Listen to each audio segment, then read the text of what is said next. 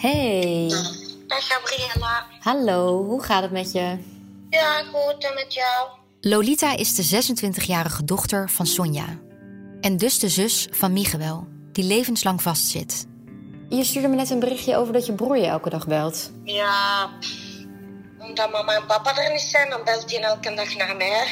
Oh, ze zijn op vakantie. Ja, volgende week zijn ze terug. Oké, en wat zegt hij dan? Om voor heel de tijd langs te komen. Ik zeg nee, ik kom niet, ik kom niet.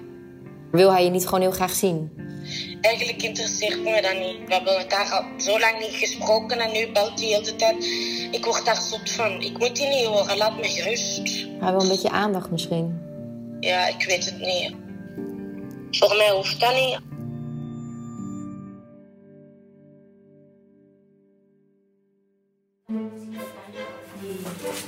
Die appels. Dit is je appelcake. Ja. Er moet nog wat in staan. Hij ruikt al lekker. Ja, dat doet ze wel. Lekker. Volgende keer als je komt zal ik je een maken. Kun je meepakken. Lekker. Lolita woont op zichzelf, maar is regelmatig te vinden bij haar ouders. Helemaal nu ze in het staartje van een zware depressie zit. Of zoals ze het zelf mooi zegt: Ik ben aan het uitbollen.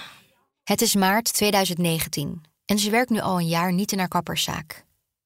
Vaak eet ze bij haar ouders, omdat ze door die depressie geen zin heeft om te koken. Mijn dag ziet eruit gewoon wakker worden, ontbijten, stofzuigen en in de zetel hangen en tv kijken. En voor de rest, ja, niet veel eigenlijk. Ze kan zich er ook nauwelijks meer toe zetten om haar broer Miguel te bezoeken. Die ironisch genoeg dezelfde dagelijkse slepende routine kent en amper buiten komt. Omdat je weet niet hoe hij is die dag als je dan gaat. En ik zou het niet kunnen aankunnen om dat uur en een half dat je daar zit en hij zegt dan niks. Ja, dan zit ik daar ook maar van, ja, wat kom ik hier dan doen eigenlijk? Hij doet dat niet bewust, maar mij duwt hem dan dieper eigenlijk. Het is voor haar heel anders dan voor haar ouders, die als een vanzelfsprekendheid elke week hun zoon bezoeken. Of voor Lut, die haar man bijna dagelijks bezoekt. Maar hoe is het als je het zusje bent van een dader?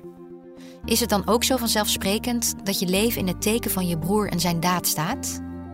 Of kies je toch voor jezelf? Ik ben Gabriella Ader en je luistert naar de podcast Mijn kind de moordenaar. Aflevering 3. Lolita en broederliefde. Dan ben ik met mijn broer. En dan eh, zijn we samen uit een eh, cola blikje aan het drinken met eh, twee rietjes. Ik ben bij Lolita thuis. Voor ons liggen wat jeugdfoto's. Ik weet nog, de eerste keer als ik die foto zag, dan zei ik... Ah, toen deelde hem wel met mij. Toen was hem nog niet vies van mij. Maar een paar jaar geleden, als ze nog thuis woonde, zou, zou hem dat nooit niet doen. Hoe oud ben jij hier? Drie, vier? Vier? Wat heb je daar? Ik denk dat ik een koek of een chipsje vast heb. Dat heeft er van toen al in. Zit er nog altijd in. en de hond staat er ook op. Is dat Bello? Nee. nee, dat kan niet. Ze pakt een andere foto van Miguel. En ik herken meteen een familietrekje in zijn gelaat. Jullie hebben allebei donkere wenkbrauwen, Ja, maar hij heeft donker haar. ja, ja ik ook normaal. Zit je niet aan mijn Oh ja. Je hebt het blond geverfd. ja. We zijn allemaal donker met eh, blauwe ogen. En hoe kan je je broer herinneren? In het algemeen hadden we eigenlijk een goede band vroeger, hè? Maar ik denk dat wij zoals echte broer en zus waren. Dan zagen we elkaar heel graag en dan haten we elkaar en dan vechten we. Zo speels, allee, vechten zo, hè. Ehm, mijn broer is nooit een leider geweest. Ik was meer de leider. En zo beschrijf ik me nog altijd. Ik ben meer een leider en mijn broer is meer een volger. Zo is dat altijd al een beetje geweest, eigenlijk. Op de foto's staat de kleine, lachende Lolita steeds in het middelpunt. Miguel staat dan iets achter haar en houdt haar in de gaten. Maar wij hadden op zich wel een goede band. Dus eh, ja. Een van de foto's is gemaakt op een bruiloft. Miguel staat strak in het pak, tussen zijn ooms en vader. Toen was hem 16 of 17, mijn broer. En was hij toen al bezig met drugs? Toen was hem al bezig, ja. Toen ging het nog redelijk met hem. Hij ziet er ook nog mooi uit, zal ik zeggen. Al mijn vriendinnen waren allemaal... Oh, je broer, je broer, je broer. Ja, allemaal. Ja, het was een mooie jongen. En zijn haar altijd schoon gedaan. En... Ja, vroeger, hè? is dat een beetje minder eigenlijk. Ik vind het zelfs een beetje grappig. Allee, grappig. Kan erom lachen. En dan deze. Dat was met zijn uh, plechtige communie. En dan met mijn oma erbij. Maar dan wordt Lolita serieuzer. Die is ook gestorven, mijn oma. Pas. Ja, dat doet nog altijd zeer. Want we hadden wel allemaal een goede band met mijn oma. Iedereen. Ik ging altijd naar mijn oma. Ook mijn broer. Allee, voor mijn broer vond ik dat ook wel heel erg. Het verlies van haar oma is al pijnlijk genoeg. Maar over alle gebeurtenissen in Lolita's leven ligt een extra zware laag sinds Miguel vastzit. Alsof verdriet en geluk een extra dimensie hebben gekregen sindsdien. Mijn oma zal nooit weten, komt hem vrij, komt hem niet vrij. Maar ik vond het voor mijn broer nog erger eigenlijk. Miguel heeft niet echt afscheid kunnen nemen van zijn oma. Hun oma was al niet meer bij bewustzijn. Dan uh, heeft mijn mama rondgebeld voor uh, te proberen om mijn broer nog te laten komen naar het ziekenhuis, zodat hij toch nog de laatste keer mijn oma kon zien. En na veel vijven en zessen is mijn broer dan toch mogen komen. En dan, uh, allez, ze wisten dat dan in het ziekenhuis. En dan gingen ze wachten met de machines uit te zetten nadat mijn broer was langs geweest. En hoe fijn het ook is dat Miguel überhaupt toestemming kreeg, het was voor Lolita toch confronterend om te zien hoe dat bezoek precies ging. Dan ben ik wel doorgezakt, omdat ik dat zo, zo zielig vond. Vanuit een andere gang in het ziekenhuis turen zij en haar ouders door de kleine vensters. Miguel wordt met handboeien om binnengebracht. Vier of drie politieagenten daarbij, dat raakte mij wel. En heeft een half uur bij mijn oma gezeten en dan is hij terug weggegaan. Hij loopt tussen de agenten in weer de kamer uit. Het enige wat je zag is dat hij terug door die gang liep dan. Ja, met zijn hoofd naar beneden, maar ja, meer... En jullie hebben dus niks tegen kunnen zeggen? Nee, we hebben niks kunnen zeggen, niet kunnen vastpakken, niks. Vond ik dat zo zielig. Dat hij zo alleen is met zijn verdriet. Wij hebben elkaar gelukkig wel allemaal, maar hij moet dat zo alleen doen. Allee, je wilt bij hem zijn om, om je verdriet te delen, maar ja, dat gaat dan niet.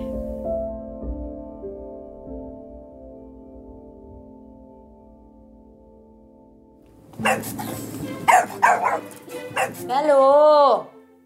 Bello is het hondje van Lolita's gezin. Het kleine beest blast zijn stembanden er bijna uit. Er komt namelijk iemand via de achteringang het huis van Lolita's ouders binnen. Hallo. Oh shit. Hey. Hallo. Lolita, die van huis uit kapster is, knipt vanmiddag het haar van haar beste vriendin Silke. Ja, je kan de deur niet openzetten of uh, er is te veel lawaai, Gabriella. Ze doet het meestal bij haar ouders thuis. In hun overdekte veranda heeft Lolita wat kapperspullen staan. Vol stof. Ah. Allee, kind, je mocht op mijn super deluxe coverstoel gaan zitten. Nou, en dan kun je je eigen in de spiegel zien. Ja, voilà. Ik ga eerst uw haarkammen, dus als het zeer doet, moet je het zeggen. Ja, dat is goed, zal het zeggen. De door elkaar ratelende Silke en Lolita zijn al tien jaar onafscheidelijk. Jij was 16, ik was 15.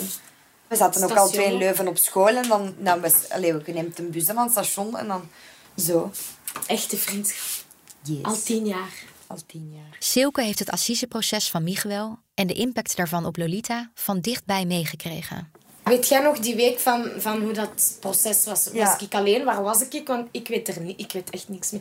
Het enige dat ik me kan herinneren is dat je hier eten zei komen maken, denk ik. Silke kan zich die periode zelfs nog beter herinneren dan Lolita, die de ervaring grotendeels geblokkeerd heeft in haar Ik hoofd. denk dat je over het algemeen eigenlijk veel thuis waart op dat moment. Dat, Ah, dat je continu in je kamer zat, in je bed lag. Dat, je, dat, dat we u niet uit je kamer kregen eigenlijk. En dat je ook, je wou het ook allemaal niet weten. Je wou het ook allemaal niet horen. Je hebt toen ook eh, met de psychiater overlegd dat je niet moest getuigen. Want dat, je was daar ook niet, je daar ook niet Ja, nee. capabel voor. Uw ouders zijn wel elke dag van het proces gaan volgen. Maar je zag ook, die mensen takelden af. Ik, ik herinner me dat dat enorm zwaar was. Silke houdt als een trouwe waakhond de vele media-aandacht in de lokale kranten in de gaten. Ik heb toen naar u gebeld eh, om te laten weten dat uw volle naam in de krant stond en van uw ouders ook. En dan zeggen van, ja, wat moet ik nu doen? En dan heb ik gezegd van, ik zou naar het laatste nieuws bellen. Want jij hebt recht op privacy en dat mag normaal niet zonder uw toestemming. En een uur of twee later waren de namen eruit. Waren het enkel nog de initialen. Silke is ook bij Lolita op de dag van de uitspraak. Na een zenuwslopend proces dat een volle week duurt en waar Lolita niets over wil horen, zien of lezen. Ik was die als de uitspraak was. Ja. Jij hebt eten toen gemaakt, hè? Ik heb toen eten gemaakt, want de ouders waren daar als de Ja. uitspraak was. Ah ja, ja, dat weet ik wel. Ja, Ja, dat die is zijn hier geweest. Allee, maar hebben die dan gebeld of heb ik die gezien? Ik weet Nee, ik denk dat niet die dat u thuis, thuis gezegd hebben. Dat weet ik niet meer. Ook die jaren daarna spreken ze vaak over Miguel. Je hebt dat toch vroeger eens gezegd van tijdens het uitgaan en zo, dat je dan je broer mist. Ja. Ja, dat je dan zei van, ik had een oudere broer nodig om mij ja, soms te beschermen. Ja. Silke staat zo dicht bij de familie van Lolita dat ze zelfs mee op bezoek gaat naar Miguel. Maar ook voor haar was dat zeker niet evident. Je weet niet wat dat je moet zeggen ook. Er is van alles gebeurd. En ja, je komt dan bij hem binnen van, wat is eigenlijk, wat, wat kunt je vragen? Allee, ik wist niet hoe moet ik het gesprek starten. Ook je zit daar twee uur. En, en hoe moet je twee uur vol praten? En ook van, zijn er dingen dat hij liever niet heeft dat ik vraag? Zijn er dingen dat hij wel graag heeft dat ik vraag? Dus dat is, eh, ja, de eerste keer is dat heel ongemakkelijk, vond ik. Ze vraagt wanneer Lolita zelf voor het laatst haar broer heeft bezocht. Het is al even geleden, van december. Is geleden? Hoe komt dat? Ja, omdat ik niet de moed vind om te gaan, omdat ik dan zelf niet goed ben. Maar misschien moeten we nog een keer samen gaan. Ja, dat is goed. Dus Lolita's blik zoomt uit, zoals vaker wanneer het over haar broer gaat. Tot ze klaar is met knippen.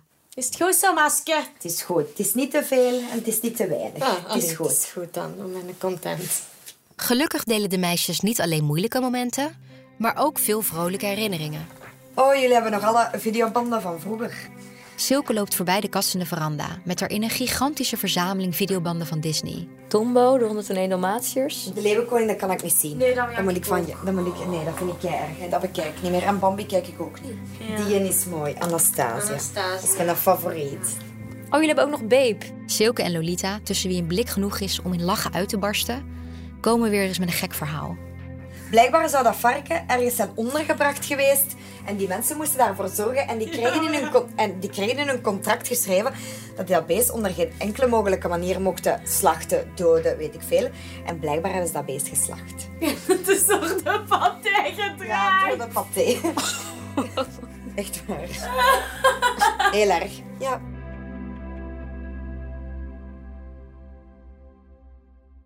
Een paar weken na de knipbeurt van Silke is Lolita nog altijd niet naar Miguel geweest. Ze wordt door haar moeder gebeld. Ja, mama. Sonja, haar moeder, vraagt of ze een paar t-shirts voor Miguel wil kopen. Die kan ze dan naar de gevangenis brengen. Ja, het is goed. Mama. En dus hou ik Lolita even later op om samen te winkelen. Iets wat lang geleden is voor haar. Met dat ik zo depressief was, ben ik lang niet meer komen wandelen zo. In de stad. Ja, omdat ik, ik voelde me altijd bekeken. Maar hoe bedoel je? Ik voelde me alle bekeken. Ja, ik weet niet. Ik had precies dat iedereen altijd naar mij keek. En ja, ik denk dat dat iets eigen is aan een depressie. Nee, ik voelde mij niet goed onder de mensen. Terwijl ze het zegt, draaien mensen zich naar Lolita en mij om en werpen een blik op de microfoon in mijn hand. Nu laat je me terug in de kijker zetten. Lolita vertelt dat haar moeder vaker vraagt om een kledingstuk voor Miguel te kopen. Het klinkt voor mij een beetje alsof ze Lolita toch zo bij Miguel's leven probeert te betrekken. En dan zei mijn mama, ja, Michiel heeft een pul nodig. Tralala, tralala. En dan heb ik wel een pul gekocht voor hem Oh ja. toen. Dat is eigenlijk wat ze nu net ook heeft gedaan. Ja, dan moet ik die aandoen. En als die voor mij past, past die voor hem ook. Jullie hebben dezelfde maat. Nee, helemaal niet. Ik ben gewoon dikker als Miguel, dus dan past die voor hem ook. Daar is eh Sport Direct. Daar gaan we winkelen. Daar, hè, aan de rechterkant. Oké. Kom, je moet mij gewoon volgen. Oké. In de sportwinkel lopen we prompt tegen een bekende van Lolita op. Hier is Anneke. Alles goed? Ze vraagt direct naar Miguel. Ik denk goed. Ik ben al even niet meer geweest. Maar ik denk zo wel. Nu in september, dat komt 7 al, hè, zit hem al. Dus tijd gaat rap, hè. En hoeveel je gaat? Levenslang. Lolita, die inmiddels gewend is aan dit soort gesprekjes, houdt zich sterk. Ze rondt af en gaat vervolgens als een wervelwind door de winkel. Ah, dat draagt hem. Simpel, wit, met een T erop? Ja, van Sergio Tarcini wel, hè. Gabriella, pas op, het stikt nou, hè. Oké. En hier ze. Nog een zwarte. Voilà. Een zwarte en een witte? Daar gaat hem in raken, hè. En dat gaat hem goed vinden, denk ik. Ik heb al gekozen. En nu gaan we naar de kassa. En afrekenen met mama's bankkaart. Lolita geeft de t-shirts daarna aan haar moeder. Ze brengt ze niet zelf naar Miguel.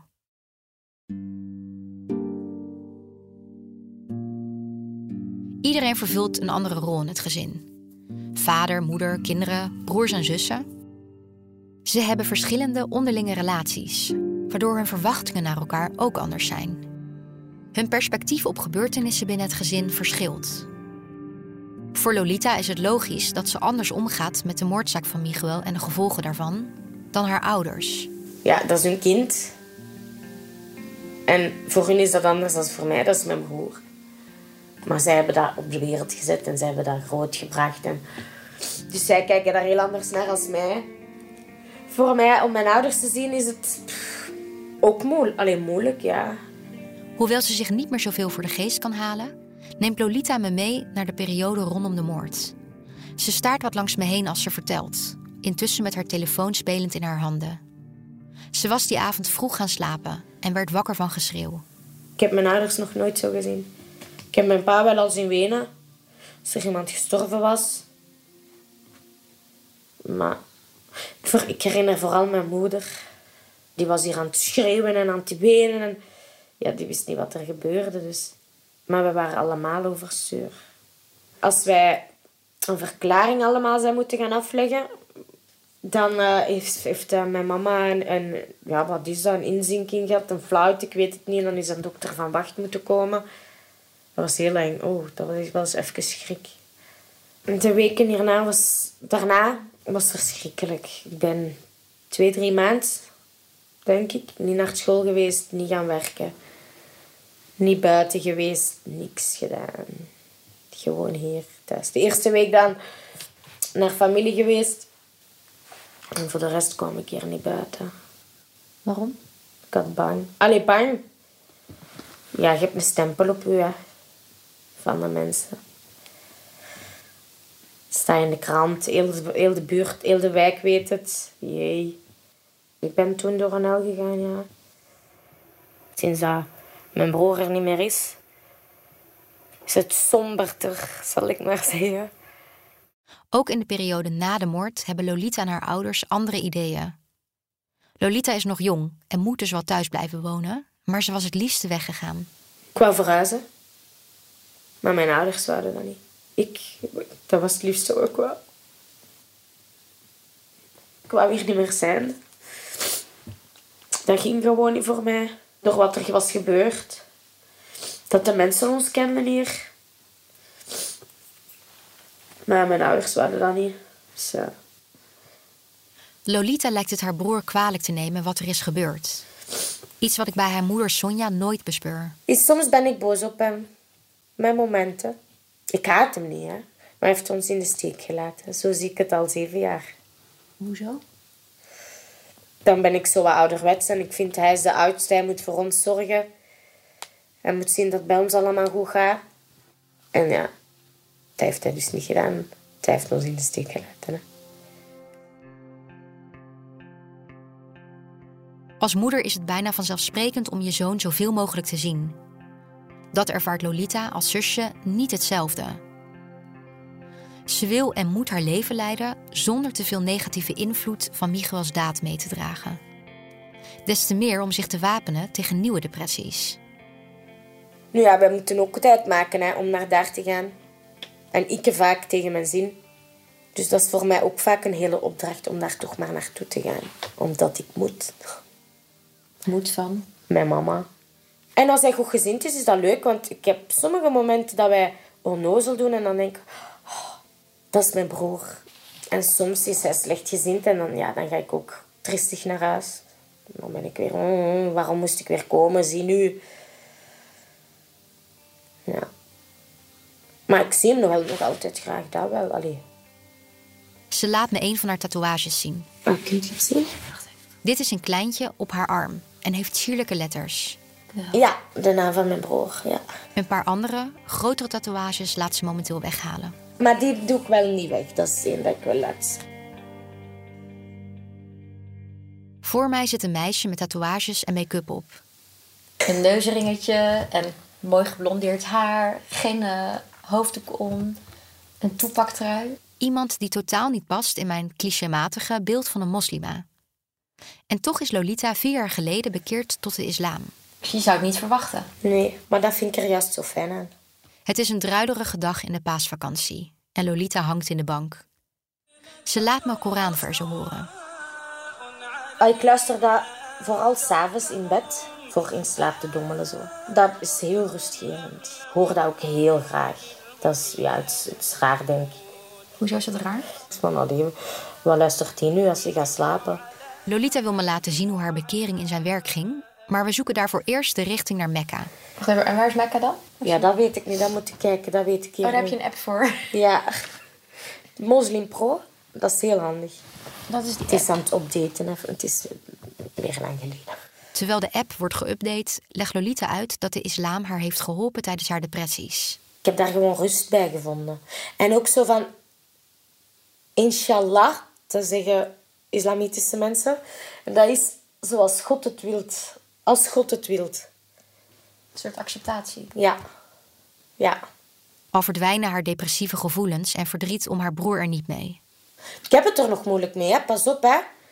Maar ik heb er me beter bij kunnen neerleggen. En ik kan dat bij deze geloof beter verwerken. Allee, beter accepteren dat het zo moest zijn dan dat ik dat niet had. Dankzij haar geloof vertrouwt ze meer op het leven. Dat heb ik ook gemerkt met mijn depressie. Dat ik dacht, hier raak ik nooit meer uit. Dan twee, drie maanden geleden had ik zoiets van... Amai, het gaat terug. Het gaat terug oké. Dus je krijgt wat je, wat je aan kunt. Inmiddels is de Muslim Pro-app geüpdate en Lolita laat me zien hoe haar bekering in zijn werk ging. Daar is Mekka zo. Ja. Ja? En dan moet je mijn rechterwijsvinger opsteken. En dan moet je de shahada uitspreken. Maar die ga ik nu niet uitspreken. Want dat is... Lolita zegt niet zoveel belang te hechten aan de christelijke feestdagen, nu ze moslim is. Maar ik merk op dat ze het vervelend vindt dat haar ouders nauwelijks meer iets aan kerst doen. Is dat pitavlees? Dat was ons toch verkocht voor dat vlees, dus... We zijn in de keuken van Lolita's ouders. Dat is looksaus. Uiteindelijk hebben we het over de naderende feestdagen, die voor Sonja niet meer gevierd hoeven te worden. Eigenlijk wil ze ook geen versiering in huis. Ze doet het alleen voor de jonge dochters die nog thuis wonen. Ik dacht, ja, eigenlijk mogen die kinderen daar slachtoffer ook niet van worden. En dan heb ik zo een tak eigenlijk, een besneeuwde tak. En in die takken zitten ledlichtjes. En dan zo wat sneeuw en eh, ja, snoepjes eraan gangen. Maar niet echt de traditionele kerstboom. Ik ga hier dat foto zoeken van mijn kerstboom. Sonja plukt haar leesbril uit haar haar, zet hem op haar neus en zoekt door de fotomap op haar telefoon. Hier zijn mijn favoriete kerstbooms. Ja, heel schoon. Dat is ook maar droogjes. Ja, ik noem dat geen kerstboom. Een tak, een Een boompje. dak met een beetje sneeuw. Ik vind maar niks. ja. Mij maakt dat niet uit of ze een zet of niet, maar mijn zussen zijn nog klein. En voor hun vind ik dat wel belangrijk dat ze dat meekrijgen. Maar de kerstversiering is volgens mij helemaal niet waar de discussie echt om gaat. Vroeger was dat zo... Ja, kerstmis dat moet niet plezant. Dat is niet plezant niet meer. Dat is geen kerstmis niet meer. Er is altijd een stoel leeg en ik heb daar geen behoefte niet meer aan. Voor mij moet dat niet meer. Ik zie dat de ergernis van Lolita eigenlijk om iets anders gaat dan om zo'n kersttak. Maar je vergeet dat je hier niet alleen bent, hè.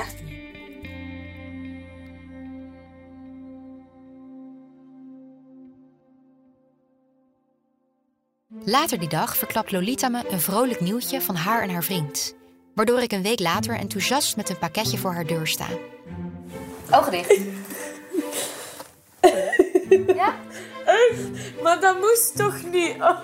Het is dus een maatje voor ja, 0 tot 2 maanden. Ah ja, En het oké. broekje ook. Ze was goed. Dus tenzij je echt een enorm dik kind krijgt, Maar cute. Ja, vind ik leuk. kan je het al een beetje zien.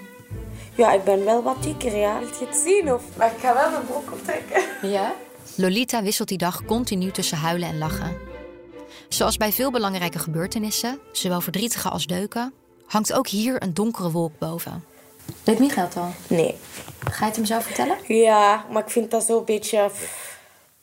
Dat, vind dat heel moeilijk om dat te zeggen. Allee, ik weet niet, wat moet ik zeggen? Hoe gaat hij reageren? Ja, ik weet het niet. Lolita vindt het confronterend, omdat ze beseft dat er niet echt een rol voor Miguel als oom is weggelegd in het leven van haar kind. Bij nu dat ik zwanger ben dan... Is mijn mama heel... Uh, Miguel dit, Miguel dat. En hoe gaat je het zeggen? En hoe gaat hem reageren? En zou je hem ook niet als Peter vragen? Want ik wil dat niet. En dat verstaat hij niet. En waarom wil je dat niet? Omdat, wat heeft mijn kind daar niks? Niks. Dus ik wil dat niet. Zij snapt dat niet. Maar dan moet ik toch eilen doen en een kaartje of een papiertje met Noenkel Miguel. Allee. Oh, jezus.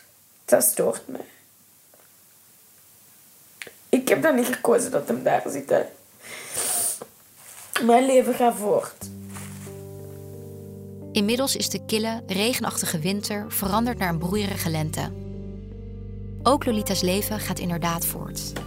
Op het moment gaat het terug beter. Ik durf ook terug buiten komen zelf. En ik heb terug meer controle over mijn eigen. Ik ben van plan om een uh, opleiding te volgen. Ik wil iets nieuws, ik wil een nieuwe start. De moeilijke jaren probeert ze als haar kracht te zien. Die hebben mij ook wel gemaakt tot de persoon wie dat ik nu ben hoor. Een sterke vrouw eigenlijk. Ook al is het soms moeilijk, maar ik denk, denk dat ik wel niet de enigste ben op deze wereld dat dat heeft.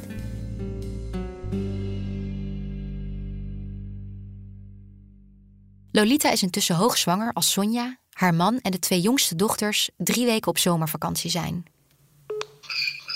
Hallo. Hey. Gabriella. En dus belt Miguel elke dag naar zijn zus, die nog altijd niet is langsgekomen. Over het laatst belde hem en dan zei moet je iets doen voor mij. Ik weet al wat er dan is. Hè. Miguel vraagt voor de honderdste keer of Lolita langskomt in de gevangenis. Ik zeg ja oké dan. Ze besluit om haar beste vriendin Silke mee te nemen. Ja, want anders was ik niet gegaan hoor. En waarom ga je? Ja, omdat, pff, omdat ik moet zeker. Ja, van mama. En zie je er tegenop? Ja. En waarom? Ja, gewoon omdat ik niks te zeggen heb. Ook wel bijzonder dat hij je nog zwanger ziet. Ik wil dat eh, absoluut niet, maar mama vindt dat heel belangrijk. Ja, maar wat moet ik zeggen? Allee, pff, Ik ben zwanger! Ja, jee. Ja, Maar goed, misschien dat hij wel een hele goede doen is, dat weet je niet. dat kan. Lolita klinkt niet overtuigd. We spreken af dat ze me na het bezoek belt. Ik zal het dan wel laten weten. Dat is volgende week dinsdag. Hè. Oké, sterkte meisje. Merci, hè, Gabriella. Doei! De week verstrijkt en ik hoor niets van Lolita. Als ik haar bel, neemt ze niet op. Ze stuurt me een sms'je dat ze nu nog even niet wil praten. Een paar dagen later bel ik opnieuw en dan pakt ze op. Ik vond het niet leuk en ik ben daar ook ziek van geweest. Dus daarom dat ik daar ook niet echt over praten. Lolita voelt zich ellendig na het bezoek aan haar broer. Ze is huilend de gevangenis uitgelopen en erna letterlijk twee dagen ziek geweest. Ik kon niet slapen en dat, was mij niet goed. Allee, dat was mij niet goed be- bevallen. Ja, dat, ja. En dan zit je daar en dan zegt hij amper iets. Het lukte Lolita niet om echt contact te maken met haar broer. Het was vooral mijn vriendin die wel een beetje met me aan het praten was. Want ze een paar keer zo mijn vriendin zo over mijn buik bezig ook. Maar er zei niks, dus... Hoewel het niet bepaald als een verrassing komt, is Lolita toch teleurgesteld dat haar broer niet eens reageert op haar zwangere buik, waar inmiddels echt niet meer overheen te kijken is. Door de spanning en de teleurstelling van het bezoek gebeurde er al waar Lolita bang voor was. Ja, ik, ik maak mijn eigen daar ziek door. En ik, ja, ik, allee, het was ook niet de bedoeling dat ik hier ziek door word. hè. Daarbij zal Lolita binnenkort een eigen kind hebben voor wie ze zorg draagt. Ze weigert om te hervallen in een negatieve spiraal. Ik ga gewoon door met mijn leven. En ik krijg nu zelf een kindje, dus allee. Ik heb er geen behoefte meer aan om te gaan eigenlijk. Helemaal niet.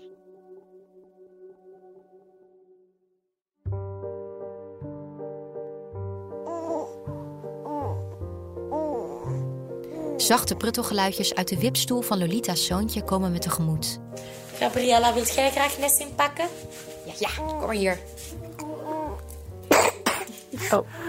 Lolita straalt. Ja, het gaat goed, ja. Allee, supergoed. Ze is zelf sinds kort begonnen met een opleiding. Een opleiding voor zorgkundige doe ik nu. Met stage en zo is wel heel tof. Vermoeiend, maar leuk. Lolita is niet meer terug geweest naar de gevangenis. Maar Miguel heeft haar zoontje wel gezien. Uh, mijn mama is mijn SM geweest, ik ben zelf niet geweest. En vind je het dan vervelend dat je daar niet bij was? Nee, helemaal niet. Lolita heeft een modus gevonden om in deze periode van haar leven om te gaan met haar broer. Ze heeft in deze situatie even voor zichzelf gekozen. En voor haar zoontje. Het is toch wel anders dan toen het je een jaar geleden? Ja, helemaal anders. Het gaat goed. Dit was de podcast Mijn Kind de Moordenaar. Luister naar de volgende en laatste aflevering, Lieve en Acceptatie. Dit is een podcast van de Standaard. Eindredactie Renny Vermeulen en Bart Dobbelaren. De muziek werd gecomponeerd door Arie Visser. Arno Peters verzorgde de mixage. Met speciale dank aan Anouk van Kampen en Woestijnvis, in het bijzonder Tine Roeland.